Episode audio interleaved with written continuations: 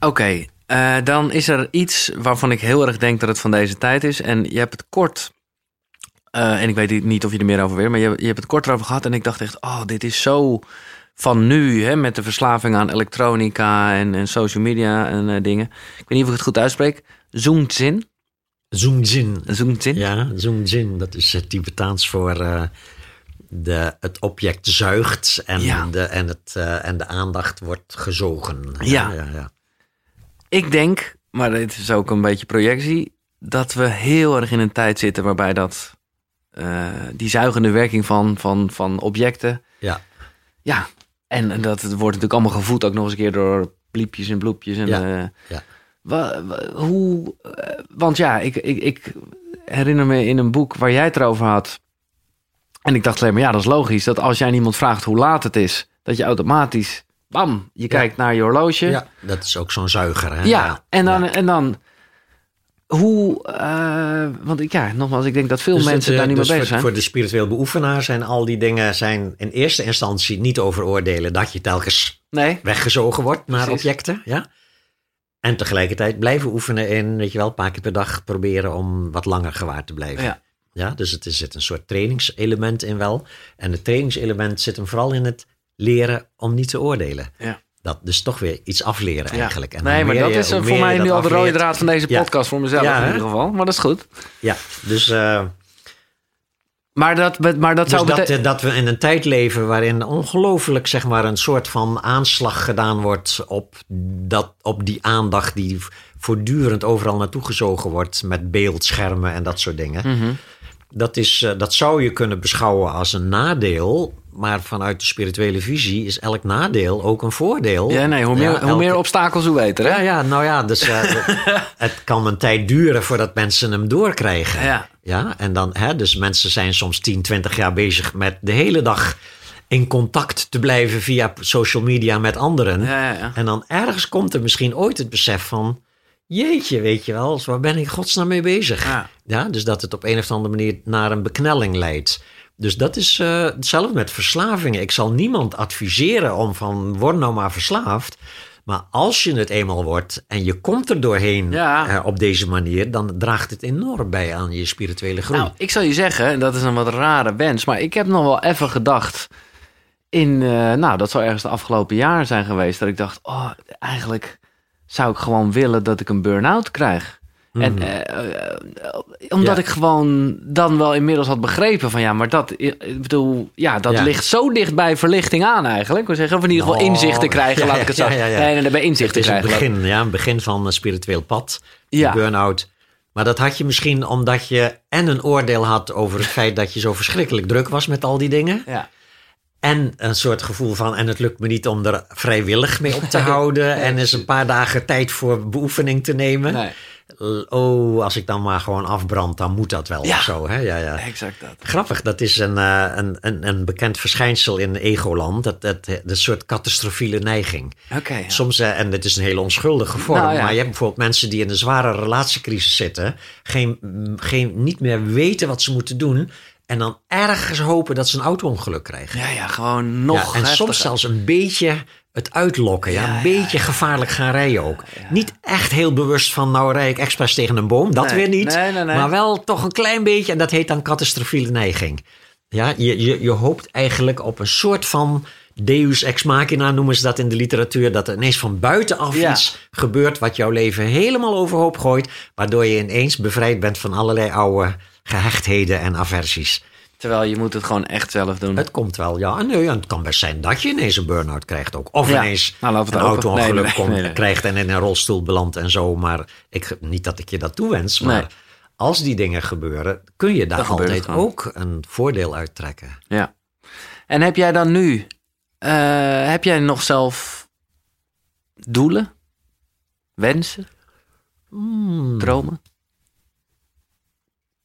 Nee, niet, zo, niet van die hele expliciete. Nee, eigenlijk niet. Ik had laatst had ik wel weer zo'n opwelling, maar het was een beetje nostalgie.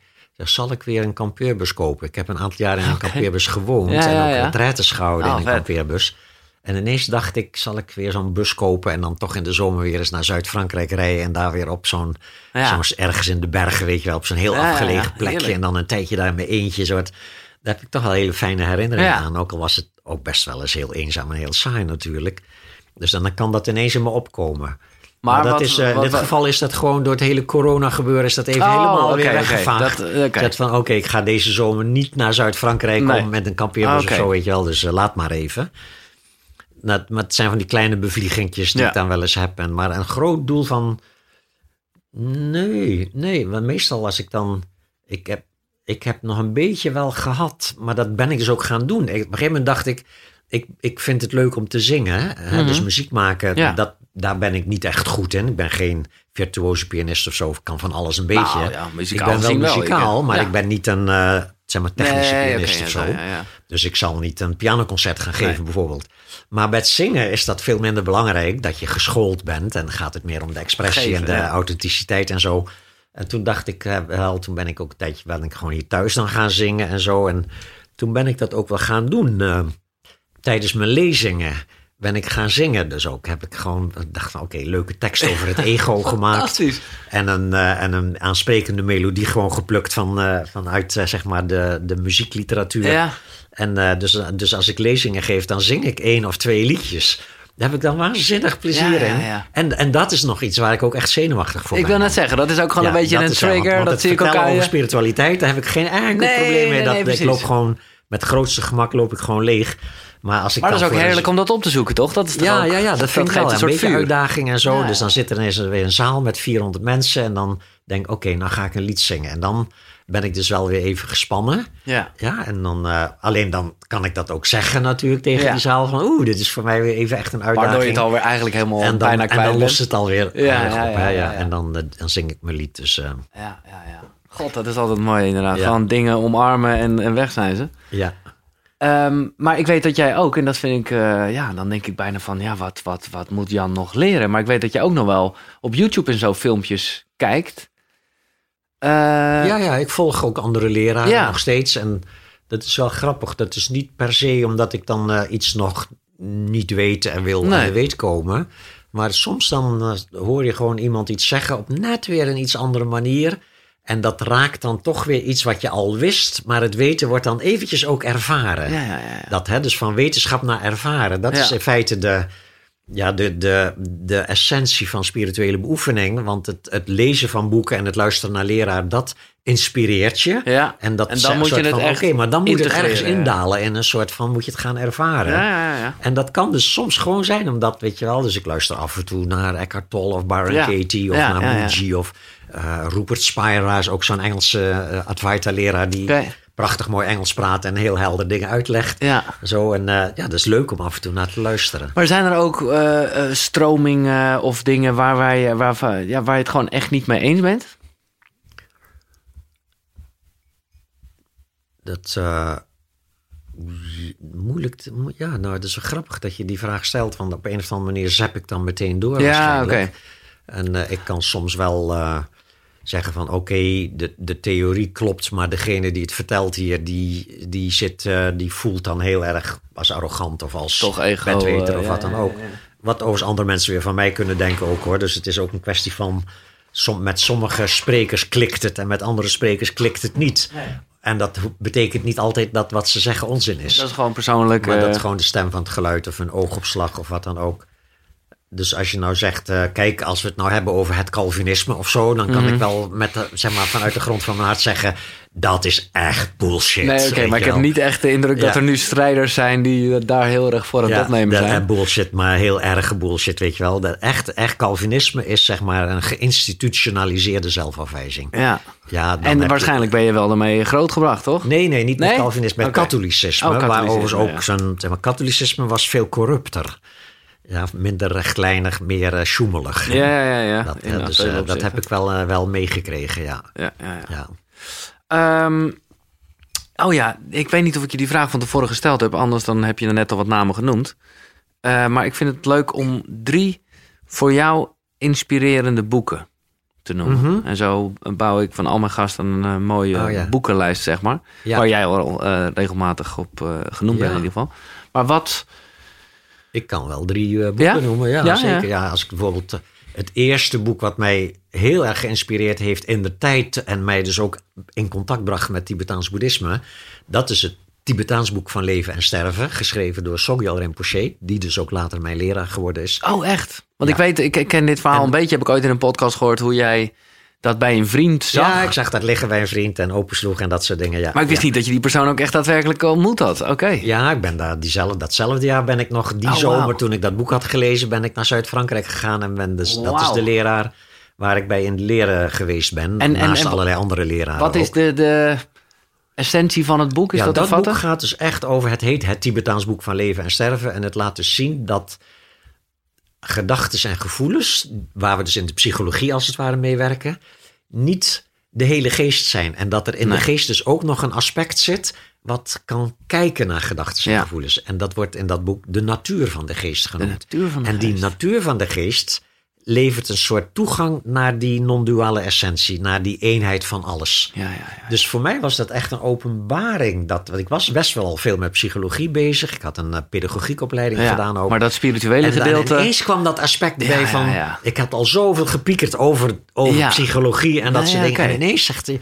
Oh, maar wacht even, er is ook iets wat kan kijken naar dat piekeren. ja, ja, en wat een hele andere dimensie opende. En daarnaast gaat dat boek ook over allerlei opvattingen uit het Tibetaans boeddhisme. Wat er gebeurt als mensen doodgaan op het moment van sterven. En ook wat er daarna nog van allerlei ervaringen plaatsvinden. Die ik aanvankelijk met zeer veel sepsis heb gelezen. Want soort van, hoe kan je dat nou weten? Ja. Ja, en, eh, maar waar ik later toch wel van zag van...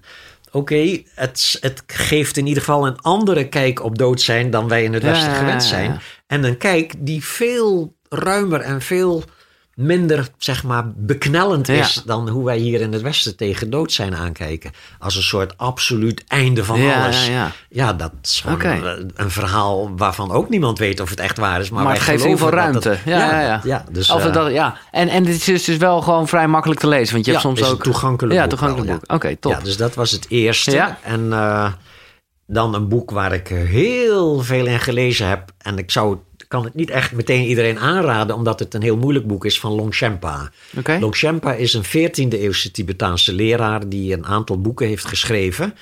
Die vertaald zijn in het Engels. Er is, er is maar eentje vertaald in het Nederlands. Dat heet Het Juwelenschip.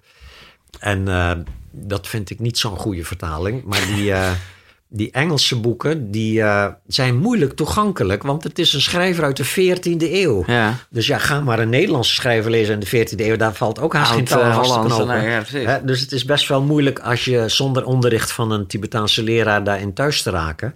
Maar ik heb dus en dat onderricht gehad en dat boek dus heel vaak gelezen. En, eh, En wat is daar... dat- de, de titel van dat boek is A Treasure Trove of Scriptural Transmission. Enfin, een hele technische term. Het gaat dus over Basic Space of Phenomena, heet eh, de oorspronkelijke titel. En dat is de Basic Space of Phenomena, is dus de ruimte waarin verschijnselen verschijnen. Ja, ja, ja, Ja, is dus weer die non-duale Nee, precies. essentie. En, dus, maar eh, maar eh, kan, ik- kan ik dat ook het universum noemen? Of is dat ja, een... jawel, maar het universum Klinkt toch wat sterrenachtig, is, hè? Het universum is ehm, een wetenschappelijke term. Ja, hè? Dus dan, dan heb je het over de ruimte. Ja, ja, ja. ja. eh, zoals wij die nu kennen en zo. En, eh, maar dat, dat allemaal is ook nog weer een soort ervaring in een nog veel onmeetbaardere ruimte. Namelijk de ruimte van gewaarzijn. Oh, wauw.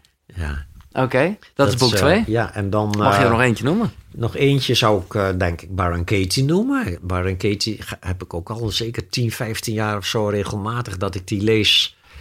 Sowieso haar methode hè, om te Ja. kijken naar pijnlijke gedachtes. De vier vragen. Die, eh, de vier vragen. En eh, dat is echt, echt een hele bijzondere methode. Ja. Juist omdat die een beetje op de grens ligt van dat absolute van Dzogchen. Dat is alleen maar gewaar zijn van je gedachtes. Kijk er maar naar, op den duur ga je ze zien als niet waar. Ja. Ja, en dan op het relatieve vlak heb je allerlei methoden waarbij je gedachten probeert te veranderen in minder pijnlijke gedachten. Ja, en daartussenin zit Baron Katie.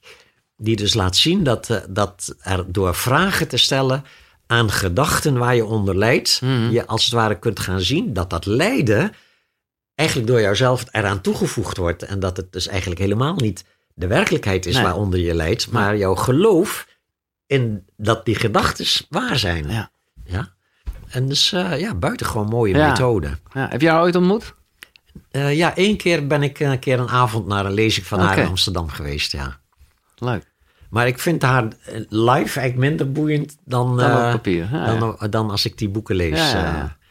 Om- waarschijnlijk omdat dat live heb ik weer, heb, het klikt minder met haar. Ja, ja, ja. Dat, ik heb grote bewondering voor haar werk en zo, maar, maar tegelijkertijd om nou bij haar zo'n cursus te doen, daar heb ik dan, dat nee. me toch niet zo aan. Nee. Nee, nee, Ehm, en heb je zelf nog plannen? Want v- we hebben het niet onwijs concreet over wijzen naar de maan gehad. Ik, vind het een, ik denk dat het een van je meest open boeken is van de afgelopen tijd. Ja. Omdat het gewoon, nou ja, even lullig gezegd, ook verhaaltjes zijn. Dus ja, het zijn is, verhalen, dus ja, dat is fijn. gedichten. Ja, het is, eh, ik ben eh, heel blij met dat boek, eh, omdat het ook wel een persoonlijk. stijl is. Ook wel het is een persoonlijk. persoonlijk boek. Er zijn echt dingen in die ik zelf heb meegemaakt Ja. ook. Maar ook fictie. Ik heb ook uitgeleefd en gewoon verhaaltjes bedenken. Nou, Die, eh, zeg maar, die ook iets overdragen nou, dat van mag ik dat even vragen. Dat, dat, dat, ja, dat verhaal van die veerboot. Ja, Is dat helemaal bedacht? dat is helemaal bedacht, oh, ja. wauw. ja. Dat is een film, joh. Ja, dat is heftig, hè? Jezus. Ja. Nou, Ja, ik vond ja. het echt ook... eh, nou ja, Ja. de- zonder Behalve te- de veerboot zelf, die is niet bedacht. Nee, want, eh, dat, dat- was die- in Breskes-Vlissingen. Oké, Was waar ik vroeger woonde. En ik ging een tijd lang elke dag op die veerboot heen en weer. Dus ik kende hem op mijn duimpje. maar is het wel een verhaal wat jij al langer bedacht hebt en nu op papier hebt gezet? Of ging ja, was het... dat wil zeggen, ik heb dit verhaal ooit in een hele andere vorm, maar met dezelfde soort van basisstructuur van man en vrouw Ja. ontmoeten elkaar op een veerboot en daar loopt het helemaal mis. Ja, Maar en toen was ik helemaal niet met spiritualiteit bezig. Nee. Dus het liep gewoon helemaal mis, zoals het gewoon helemaal misliep, weet je wel. ja, ja. En later, de, toen ik dit boek ging schrijven, dacht ik van... oh, maar dat is een mooi gegeven om iets heel anders ook nog eens mee duidelijk te maken. Hè? En de, dus een daar moraal, heeft het, het is eh, helemaal herschreven. En, eh, Maar Ah. de, op zich de situatie van een man ontmoet een vrouw... die die heel lang niet gezien heeft op een veerboot... en daar komen ze in aanraking met elkaar... in de meest Ja. heftige en dramatische Ja. situatie. Nou, ik wist niet Dus, helemaal eh, zeker, omdat die persoon is ook weer een leraar. Dat was jij natuurlijk. Ja, ja, er zit wel iets in natuurlijk, dacht van, ja. nou, ik, mag, Ja. ik mag toch hopen dat hier niks van waar is? Ja, ja. Maar nee, ja, nee, nee, dat, ik, die man, die, dat is dan toch weer een klein beetje wel... Tuurlijk, Ik heb zelf ook in een huisje in de polder in Zeeuws-Vlaanderen gewoond op zoek naar... Dat is een van die andere Ja, verhalen. ja, ja, ja. Ja, waarin ik beschrijf hoe ik in zo'n huisje zit te kniezen... en, en zit te piekeren over de zin van het bestaan... en, Ja. en steeds dieper wegzak in een Ja. soort moeras van het allemaal niet meer weten. En dan Nee. die ontmoeting met die, die wel echt gebeurd is... met die beetje paranoïde Ja? man die zichzelf de meester van het licht noemde. hè. Dat die Dat is wel- gebeurtenis heeft echt plaatsgevonden. En heeft, eh, de, de, heeft het pianospel ook echt plaatsgevonden? Ja, Ja. ja. die, de ontmoeting met die muziekleraar. Ja. Ja, en dat eerste, dat zijn twee verhalen. Hè. De eerste verhaal is een klein beetje wel geromantiseerd, maar ik ben inderdaad ooit bij hem daar in dat huis geweest. Eh, maar ik kan me niet herinneren of hij ook inderdaad daar toen dat derde deel van de Moonshine Nee, nee, nee. gespeeld Oh, heeft. nou, oké, dat dat, heb ik er later bij gemaakt. En dat tweede deel, dat hele verhaal van hoe ik met die muziekleraar helemaal in een soort man-jongens verhouding kwam, weet je wel. Niet erotisch, maar helemaal muzikaal, soort Ja. verliefdheid was en zo. Dat is wel echt gebeurd. Ja. Ja. Oh, ook hoe het, hoe het afgelopen is. Oké. Oh, vreselijk. Ja. Of althans, nou ja, dat een beetje voor die tijd. Ja. En, en, en wat verwacht je zelf? D- smaakt dit nou meer gewoon zo'n losse verhalen? Of is er toch een bepaald thema wat je nog... Nou, dat was ook een beetje eh, Ja, wat ik bedoelde met de vraag van... Heb je, wat, heb je, heb nee je hoor, ik, som- ik, ik, eh, ik heb, ik, soms denk ik wel eens, wat zou het leuk zijn om echt een roman te schrijven Ah, met een spirituele lading. Ja, Maar ik weet niet of het ervan gaat komen, want dan moet er toch van binnenuit ook iets zijn van dat ik daar echt zin in moet Ja, hebben. ja, ja. Dus nu is het echt vooral een soort van bedacht idee. ja. Zo van, zou dat leuk zijn, misschien ooit nog eens. En misschien moet ik dan wel eerst gewoon nog schrijfles gaan volgen ook. Want een roman is toch veel meer, weet je wel, moet je veel meer aan bouwen. Een verhaal kan je als het ware spontaan, zeg maar, Mhm. Gewoon- van begin tot einde. Ja. In een uur heb je het geschreven, als het ware. Ja. Een roman is, ja fijn, ik kijk daar wel behoorlijk tegen op nog. Nou, het is een Dus, ander eh, vak, dat snap maar ik. misschien komt het er ooit van. En eh, ik heb nog wel eens het idee van een boek over oud worden en doodgaan. Maar het grappige is, dat boek wordt steeds beter hoe lang ik er uitstel. Ja, Ja, want ik word steeds ouder en, en doodgaan is steeds meer iets wat ik dan zeg maar in ieder geval wel Nee, ervaar als iets wat op me afkomt. maar heb je wel iets op papier of op eh, de pc getikt? Oh, nee, nee, nog nee, helemaal nog geen niks. letter? Nee, dat is echt een idee soort van. Oh. Maar ik, dat doe ik überhaupt nooit hoor. Ik, verzamel nooit materiaal. Nee, ik nee, schrijf nee. gewoon vanaf. Ik ga gewoon zitten. Trrr, nu, heb ik het niet. Nu heb ik voldoende in huis als het ware, in, in, in mezelf. En dan schrijf ik het gewoon op. En dan Ja. is in twee maanden heb ik wel zo'n boek af dan. Maar mag ik dan vragen, hoe ziet jouw... eh, heb je een ochtendritueel bijvoorbeeld? Jawel, ja, ja. Ik sta meestal op tussen, tussen half acht en half negen zo. Hangt er vanaf. Ik zet geen wekker. Nee. En dan eh, doe ik eerst een half uur, zit ik gewoon hier, weet je wel. Ja. Met een kopje thee. En dat zou je dan meditatie kunnen noemen. Maar het is gewoon zitten en zijn, hè. Ja. En dan eh, doe ik mijn ontbijt, bord havermoutpap. Eh, dan ga ik lopen hier het bos in. Ja. Half uur, drie kwartier of zo. Dan zorg, hè, nee, en dan begint, eh, zorg ik dat meestal voor rond tien uur of iets voor tienen. Ik heb wel structuur, echt tien Ja, uur. Een soort van, dan begint mijn van koffie, koffie en Oh, mail beantwoorden. Oh, hè. ja, ja, ja. Dus dan ga ik koffie drinken, kijk eerst even koffie en de krant op internet. En dan eh, ga ik mailtjes beantwoorden tot, tot half elf. En dan heb ik van half elf tot elf doe ik ook nog wat yoga oefeningen en nog wat meditatie. En dan van elf tot twaalf is eigenlijk ook in principe tijd om te werken. Dus mails beantwoorden Ja. of eh, wat dan ook, een nieuwe cursus bedenken. Of Ja, ja, eh, ik ben nu bezig met een online cursus maken. Dus het opzetten van een online cursus. En, en dan moet ik alsmaar videootjes inspreken. Oh, precies. dan- Oh, wat leuk. dingen. Oh, goed. Dat is een online cursus over liefde en relaties. Oh, Dat, ik krijg zoveel vragen Ja. over wanneer ga je die workshop weer geven. Maar ik heb gewoon mijn handen al vol aan Ja. mijn jaarcursussen. En dat vind ik dan net iets belangrijker dan eh, over liefde en relaties. Dus ik denk Nou, van oké. ik maak een Eén online keer goed. eh, cursus. ja, precies. Ja, hè, en dan kunnen mensen dat eh, zelf gewoon in hun eigen tempo kunnen ze die cursus doen. Hm. Dus dat is een soort werken wat ik dan doe. Maar ik vind het Ja. hartstikke leuk. En eh, soms komt het er niet van en dan doe ik wat anders. En smiddags ook, dan heb ik dus dan lunch ik. Eh, soms doe ik een dutje na de lunch en dan daarna ga ik fietsen. Ja. Eh, ook om een beetje fit te blijven. Hè? Ja, dus het is gewoon, ja, het is zo fantastisch hier. Deze hele omgeving is, dit- dit is fietsterrein. En, dan, en dan eh, meestal mijt ik dan nog de betonnen fietspaden, want daar is het zomers vrij druk. Ja, gewoon maar ik ken al die binnenwegjes nu, al die, al die zeg maar, harde grondpaadjes. Ja. En dan kan je echt een uur fietsen zonder iemand tegen te komen. Zo heerlijk. Dus dan eh, kom ik thuis en doe ik weer wat meditatie. En dan ga ik eventueel nog wat werk doen. Of, of er komt iemand langs, weet je wel. Of Ja. een vriendinnetje is er. Of, en dan zo s'avonds uh, ook. ehm, de, de, je ziet wel, de structuur wordt telkens iets losser naarmate de dag vordert. Ja. En dan, eh, weet je wel, s'avonds eet ik niet zo heel veel. Probeer niet al te veel te eten s'avonds. En dan nog een beetje beoefenen. En dan kijk ik wel altijd naar het acht uur journaal op Ja. mijn laptop. En, en dan, eh, ja, soms een beetje beoefenen. Lezen s'avonds. Ja. En dat is dan meestal gewoon ontspanningslectuur. Oh, gewoon, eh gewoon, fictie. eh, gewoon, ik ben nu echt... dus ik, ik voel nog een lichte gêne, dus daarom zeg ik het maar meteen. Ik ben nu Karl May aan het herlezen. Als puber heb ik Karl May gelezen over Winnetou en Old Shatterhand. Ja, en die lees ik nu opnieuw. En daar heb ik gewoon heel veel plezier aan. Dat doe ik dan een half uur of zo, drie kwartier. Dat, en dan zit ik soms ook s'avonds nog even te YouTuben. Soms Ja. eh, wel een spiritueel iets, maar soms ook wat ik ook heel erg leuk vind... is om gewoon een stukje klassieke muziek... maar dan met orkestuitvoering erbij. Erbij te kijken. Ja, En dan ja. ernaar te kijken. En eh, deze week toevallig kwam ik terecht bij André Rieu. Ah, nou, en dat, is, wel toch heel ik heb altijd toch wel met een beetje soort van... Ik, ben dan, ik heb een klassieke opleiding gehad ooit op het conservatorium gezeten. En dan kijk je een beetje neer op Ja. André Rieu... die dan klassieke muziek zou verkrachten, weet je wel. Maar ik ging daar eens echt naar kijken... En, en ik zag gewoon dat daar ontzettend veel mensen ontzettend veel plezier staan te maken met Ja. klassieke muziek. En ook met musical muziek en dat soort dingen. Ja. En ook wat ik ook voor het eerst eigenlijk kon zien, en dat komt dus echt door die coronacrisis. Ja, ja. Maar er wordt heel veel ingezoomd op mensen. En daar daar zitten, zitten. zitten, een paar ja. duizend mensen zitten bovenop elkaar gepakt. Ja, dat is gek zitten daar hè? naar te luisteren. En je ziet mensen als het ware meezingen, een beetje in vervoering raken. Je ziet mensen elkaar een zoen geven omdat ze ontroerd raken. En ik zie wel, het is allemaal effectbejacht. Maar wat leuk om naar al die mensen te kijken die allemaal bij elkaar zitten. En dat voelt dan als een soort van... God, dat is nog maar zo kort geleden dat Ja, we dat konden. hè? Ja. En ineens zie ik het, dus ik kan er nu naar kijken en het kan me nu ontroeren. Ja, ja, ja. En als mensen die allemaal met een glas bier aan een grote tafel zitten en dan naar de Radetzky-mars aan het luisteren zijn. En echt is gewoon schattig. ja.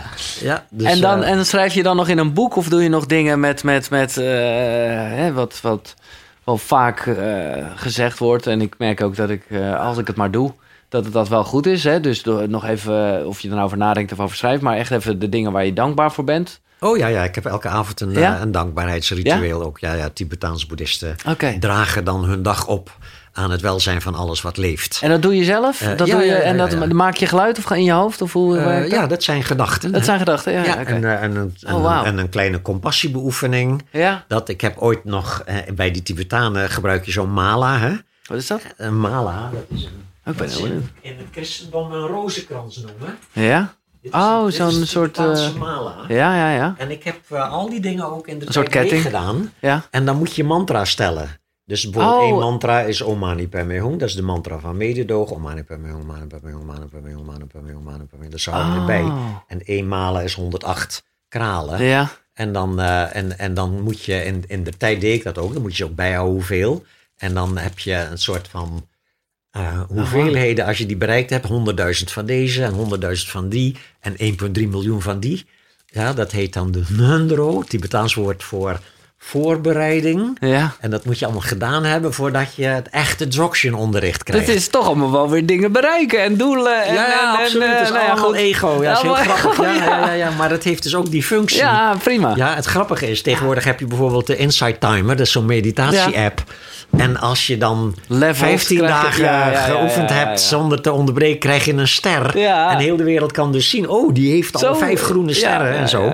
Maar in het Tibetaans boeddhisme had je dus de Hundro. Was dat vroeger ook En eigenlijk? als je dan die, al die honderdduizend gedaan had, dan mocht je dat aanbieden aan je leraar. En dan was jij een van die weinige studenten die de Nundro af had. Dan was je echt een senior Ja. student, weet je wel. Dan was je iemand in die, in die secte dus, hè, in, die, Ja. eh, in die afdeling. Maar ja, jij zegt ook weer, dat maakt niet uit dat dat weliswaar door ego gevoed is. Maar maak er gebruik van eigenlijk. Ja, gebruik het het heeft als me een... enorm geholpen in de tijd. Het, het, ik moest dus, om die Nundro af te krijgen, om aan die drie jaren mee te kunnen doen, moest ik 2,5 uur per dag Zo. moest ik daarmee bezig zijn. Maar ik had toch niks te doen. Nee. Dus het hield me van de straat, Ja, weet je ja, wel. ja, Ik vond het wel, wel, wel een soort van... Ik heb er echt leuke herinneringen Ja. aan. En dan die, eh, die prosternaties, hè. Dan moet je honderdduizend keer moet je jezelf op de groen gooien en Ja. opstaan. Ja. Dat doe je dus honderd keer per dag, zo ongeveer 20 minuten nodig. En dan sta je helemaal in het zweet. Ja, dat is Hartstikke wel een gezond. goede workout, ja. echt een workout. Dus eh, ik vond het allemaal best. Wauw. Ja, en op een gegeven moment kreeg, kwam, reikte ik dus ook dat punt dat ik ineens zag van... Jan, dit is gewoon allemaal comfortzone geworden. Ja. Ja, gewoon lekker eh, twee uur per dag gewoon lekker bezig zijn. Nooit nergens aan denken, weet je wel. Dus toen, op een gegeven moment ben ik er dus ook mee opgehouden. Oké. Ja. En zo hoort dat dan waarschijnlijk ook te gaan. ja, zo wordt het dan te Ja, gaan. hè, ja, ja. ja. Ehm, ja, de, de, de vraag, nou ja, eh, hoe wil je herinnerd worden, Jan? Hoe wil ik herinnerd worden? Of, of waar wil je aan herinnerd worden? Dat is misschien. Waar eh, ik wil aan herinnerd worden. Nou ja, dat ben, ja. Nee, nee, dat is, een, dat is in Tibetaans boeddhisme heel belangrijk. Of je op het moment dat je aan het doodgaan bent, je zo helder kunt zijn dat je je die natuurlijke staat van zijn herinnert. Dus als je zegt, wat zou je graag willen herinneren? Oeh, dat lijkt me leuk als dat lukt, want dat is een soort moment van bevrijding dan. Hè? Ja, ja, ja. Als je echt kunt doodgaan, en er zijn prachtige verhalen ook uit de Tibetaanse cultuur over hoog gerealiseerde lama's die dus zeg maar met humor aan het doodgaan ja, zijn. en met een lach echt. Ja, eh, met een soort lach en met een soort hoopvolle verwachting ook. Zelfs een beetje een soort van, ik ben zo benieuwd. Ja. Dat weet je wel, ik heb er echt zin in. ja, echt wel. het omgekeerde van Ja, angst in ja, ieder geval. precies, ja. ja. Dus dat, eh dat en lijkt is dat me ook, erg eh, leuk. maar heb je als je, als- bedoel, ben je bang voor de dood? Eh, ja, als ik in mijn gewone normale ego-mind zit, Ja. dan kan ik daar wel eens tegenop Ja. zien, ja.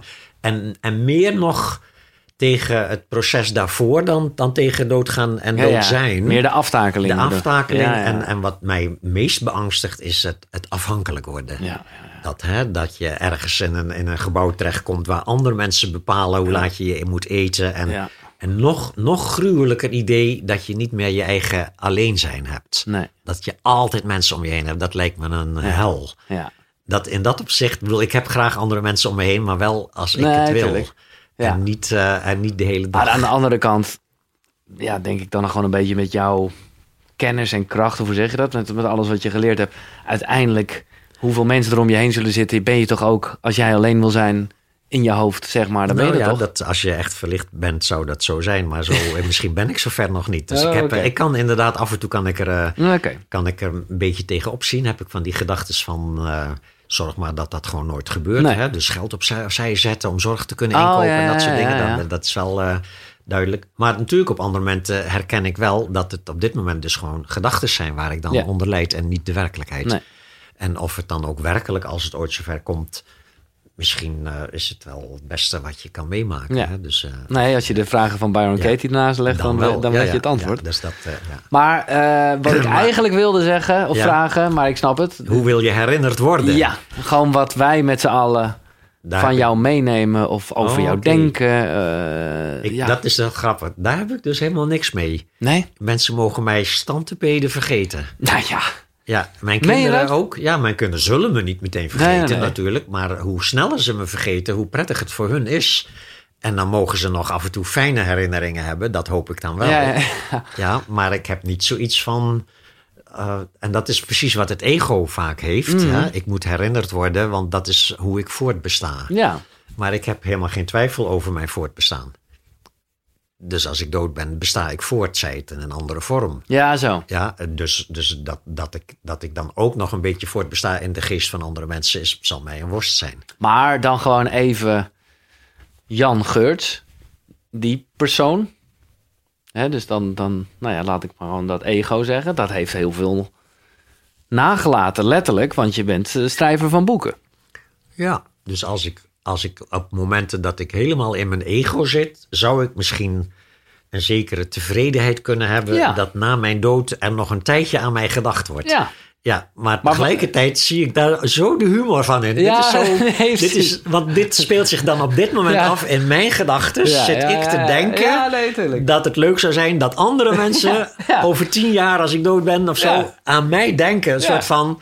Hoe, hoe ingewikkeld kan Ja, je crazy. het maken, weet Ja, je wel? ja. Als je dan meteen teruggaat naar, oké, weet je wel. Dit, Maar is er dan, ik ga hier toch even nog op door, want precies dit bedoel ik. En maar is er dan iets, als je dan toch mag kiezen, waaraan je herinnerd wil worden? Dus, nou ja, welke van, van ik, ja, voor mij, dat zei ik aan het begin al, heb jij mij heel veel dingen geleerd en lessen gegeven en inzichten gegeven. Eh, nou ja, misschien, misschien is er één inzicht waarvan je denkt van, nou, als ik dan toch moet kiezen, of waar ben ik eh, trots op, of wat heeft mezelf het meest verrast eigenlijk in het leven, is er dan een bepaald ja, maar dat. Inzicht. Kijk, wat ik, wat ik ook nu al het allerleukste vind, is dat waar ik zo enthousiast over ben, delen met anderen. Ja. En dan zien dat andere mensen daar ook enthousiast over raken. Dat is leuk. Ja, Dus dat mag nog best even doorgaan na Ja. mijn dood. Maar tegelijkertijd heb ik ook daar weer, daar heb ik dan niks meer aan. nee, nee, nee, dat begrijp ik. ik begrijp hè, dat het is totaal zo onzinnig is. hè. Dus dat, nee, dus, dat dus- begrijp ik. Dus ik heb liever nu. En, Ja, en daar, kan, daar kan ik dan best wel blij mee zijn. Ook mijn ego kan dan best wel, als ik dan weer zo'n bedankmailtje krijg. En uw boek heeft mijn leven veranderd, mailtje en zo. Dan kan ik en daar een soort van blij mee zijn. Hè, wat leuk, erkenning, weet Ja, je wel. Dus, ja. En dan tegelijkertijd zie ik dat dat mijn ego is. En tegelijkertijd zie ik daar dan de humor van in. Dat is zo Ja. een beetje naast elkaar. Ja, dus ja, ja, ik, ik ja. veroordeel het niet dat Exact. ik dat prettig vind om die erkenning te krijgen. En ik zie tegelijkertijd dat het helemaal niet over mij gaat. Nee. En dat is wel, wel bevrijdend hoor. Ik heb het bijvoorbeeld ook na lezingen. Staan er altijd wel, een, wel vijf of tien of twintig mensen naar de hand. Die willen dan nog even iets komen zeggen. En dat Ja. is altijd van, oeh, ik ben zo blij en u, u ben, ik heb zo'n bewondering. Dat Ja. soort dingen. En ik kan dat hebben, omdat ik weet dat zij Ja, een projectie zien van ja, mij. ja. Zij hebben een soort beeld van mij, als een soort verlicht of als een soort wat dan ook. Dat is niet hoe ik mezelf ervaar. Nee. Ik heb een heel andere ervaring van mezelf dan als mensen zeggen: Jan Geurts, dat is, weet je wel, oh, wat ben je goed en dit en dat. En dat op een of andere manier plakt dat niet meer. Nee. Dus mijn ego vindt mooi. het nog steeds leuk. Ja. En zeker als dat leuke, jonge, mooie vrouwen zijn die mij een knuffel komen geven. Dat is gewoon hartstikke leuk natuurlijk. En tegelijkertijd staat daar een ander soort bewustzijn staat daar naar te kijken. Met Ja. een soort vertedering en een soort humor. En dan zie ik iemand zeg maar, met een zekere idolaatheid tegen mij praten. En dan kan ik dat soort van, kan ik ontroerd raken dat die persoon dat zo belangrijk ja, vindt. ja, ja, ja. Want die persoon deelt wel iets van zichzelf. Hij deelt een soort as- enthousiasme, een soort geraaktheid. Dat vind ik dan wel mooi. En, en niet dat dat dan over mij gaat. dat gaat niet over want, mij. Dus je hoeft je later ook helemaal niet eh, nou ja, schuldig of wat dan ook te voelen over... oh, daar was ik toch een beetje... eh, ging ik toch te veel in geloof. Nee, want je, Nee, vanaf helemaal op dat moment zelf Ja. al Ja, Ja. liet je het toe. Ja. Oh, wauw. ja. Dus dat is echt die twee werkelijkheden naast elkaar. Die ze in het boeddhisme relatieve en absolute werkelijkheid. Relatief, Ja, ik ben ook het ego, weet je Ja. wel. En ik vind dingen leuk en ik vind eh, vrouwen leuk en dat soort dingen.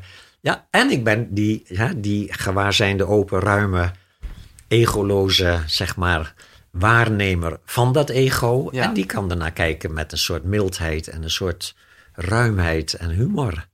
Ja.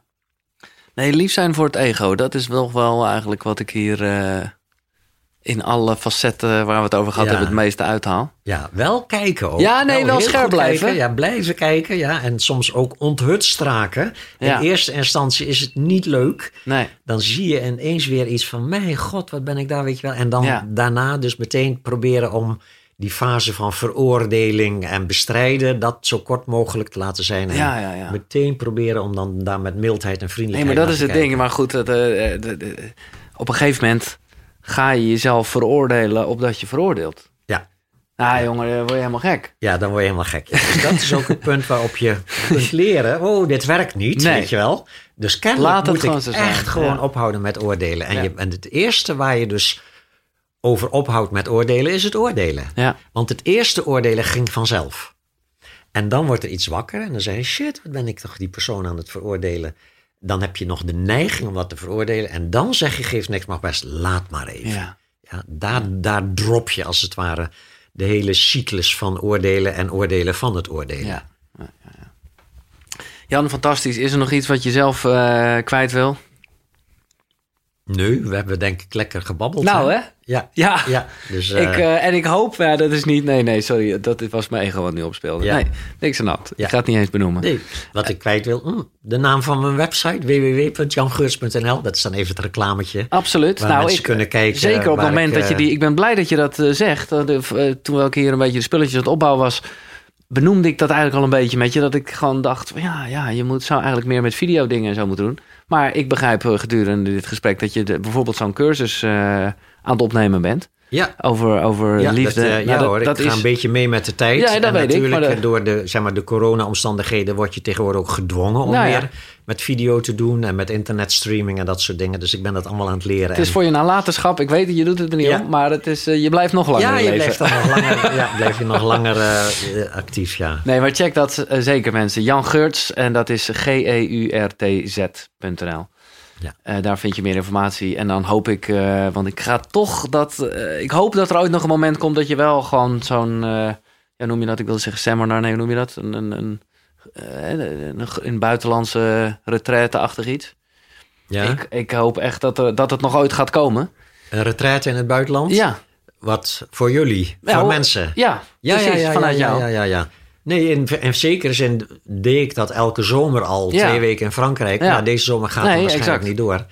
Maar volgend jaar dan hopelijk weer Oh, wel. Hè? Als, kijk, voor mij is die anderhalve meter is, is een, een blokkade waar ik, niet, waar ik geen zin in heb. Nee. Dus ik ga geen cursussen Nee. geven waar mensen anderhalve meter uit elkaar moeten zitten. Nee. Dus als die regel weer van tafel is, Dan ga ik gewoon ook weer cursussen live geven. En weer in Frankrijk cursussen geven Ja. en zo. Retraites in Winterberg, eh, dat soort dingen. Nou, daar ga ik dan zeker eh, gebruik van maken. Ja. Al moet ik ook vooral gewoon zorgen dat, dat ik ook weer niet. Ja, nou ja, oké, de laatste vraag. Sorry, ik blijf maar vragen stellen. Ja. Maar daar ben ik benieuwd of jij daar zelf ooit last mee hebt gehad. Dat je bijna verslaafd raakt aan kennis. Hè? Of aan, aan, aan boeken hierover, Ja. aan cursussen. En ik vind het gewoon fantastisch en het verrijkt mijn leven. Dus ik ben Ja. er ook oké mee. Maar ergens denk ik ook wel... eh, ja, wees gewoon, weet je wel. Je weet nu al... eh, dus, dus Ja, maar dat is een. eh, een- eh, dat, eh. hoor- dat heb ik dus zelf ook meegemaakt. De eerste jaren dat ik met spiritualiteit bezig was, deed ik ook alleen maar lezen. Alles wat los en Ja, ja, ja. lezen. En dan word je inderdaad een soort inspiratiejunk. Ja. Ja, en tegenwoordig kan je elke dag mailtjes krijgen van inspiratiewebsites en exact, zo. exact. En dat is best wel leuk ook. Er is niks verkeerds aan. Maar inderdaad, wordt daardoor nog niet geïnternaliseerd. En je moet dus iedere keer van buitenaf... moet je dan weer de juiste omstandigheden creëren... om dan weer even dat gevoel te hebben dat je heel bent... of één bent of liefdevol bent of Ja. zo. En daar, daar, dat werkt alleen maar met beoefenen. Ja, Dus dat is ergens gewoon een soort van... maar ja, je kan het niet forceren. Dus Nee. dat komt dan ergens wel. Ergens wordt dat wel in je wakker van... laat ik dan maar eens gewoon een keer gaan zitten gewoon. Ja. En gewoon maar eens even echt kijken naar mezelf en naar mijn eigen gedachten. En als je dat gewoon regelmatig doet en daar dus wel degelijk, en dat vind ik fijn ook om te horen, dat jij er dus wel ontzettende structuur voor jezelf bedacht hebt. Of, of gewoon eigenlijk van dan, die ja. ontstaat dan. Ja. En dat zorgt er wel voor dat je er, eh, nou ja, eh, altijd max een paar uur in kan verdrinken. Ja, ja zeker. Ja. En dat is dus, maar dat, ook dat wel, dan kan je zeggen, oké, dus, eh, dus als je zo'n structuur hebt, dan schiet het lekker op.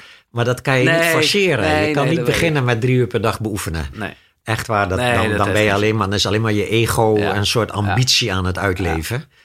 Dus eh, nee, kalmpjes aan Heerlijk. beginnen. Gewoon Ja. op het gemakje. Hè. Ik bedoel, wat je oefent uiteindelijk is fundamentele vriendelijkheid. Dus eh, ook je beoefening moet beginnen op een vriendelijke manier. Ja? Begin maar met een paar keer per dag vijf minuten. Even take a break, weet je wel. Even zitten met jezelf. Even niks hoeven. Nee. Wat mensen vroeger al zeiden als ze gingen roken. Even een momentje voor Nou. jezelf. Ja, sigaret duurt ook vijf, zes minuten. Ik zal je zeggen. Nou, doe dat dan maar zonder denk, sigaret. Ik denk echt, even los van alle verslavingsdingen die er in die troep zit natuurlijk. Maar dat het momentje voor jezelf en ook letterlijk het ademen. Het is wel een soort slecht ademen juist. Ja. Maar dat, daarom is het natuurlijk ook zo krachtig. Echt niet alleen vanwege tere nicotine. Maar ook vanwege... dat zou best kunnen, ja. Denk ik wel. Ja, dus, eh, dus dat is het advies. eh, Ja. Als je, hè, eh, als je rookt, stop sigaret. eerst met roken. Heb daar de plezier mee. Ja. En ga dan af en toe een momentje voor jezelf beoefenen. Exact. Top. Ja. Jan, dankjewel. Ja, oké. Jij graag ook bedankt. keer. Thanks. Och, man, man, man. Wat hebben Fantastisch. wij hier? Ja, half zes? ja, Dat is sorry. twee uur of zo. Ja. Ja, grappig hè? Nou, wel meer dan grappig, dacht ik zo. Wat een fenomeen. Jan Geurts, je vindt hem helemaal ook op eh, de website koekeroe, koekeroe.nl. Daar vind je de videoversie wel. En anders heb je in ieder geval nog die andere twee podcasts. En nog vele andere gesprekken. Als je suggesties hebt, altijd even mailen. giel.koekeroe.nl Zonnegroetjes. Hoi.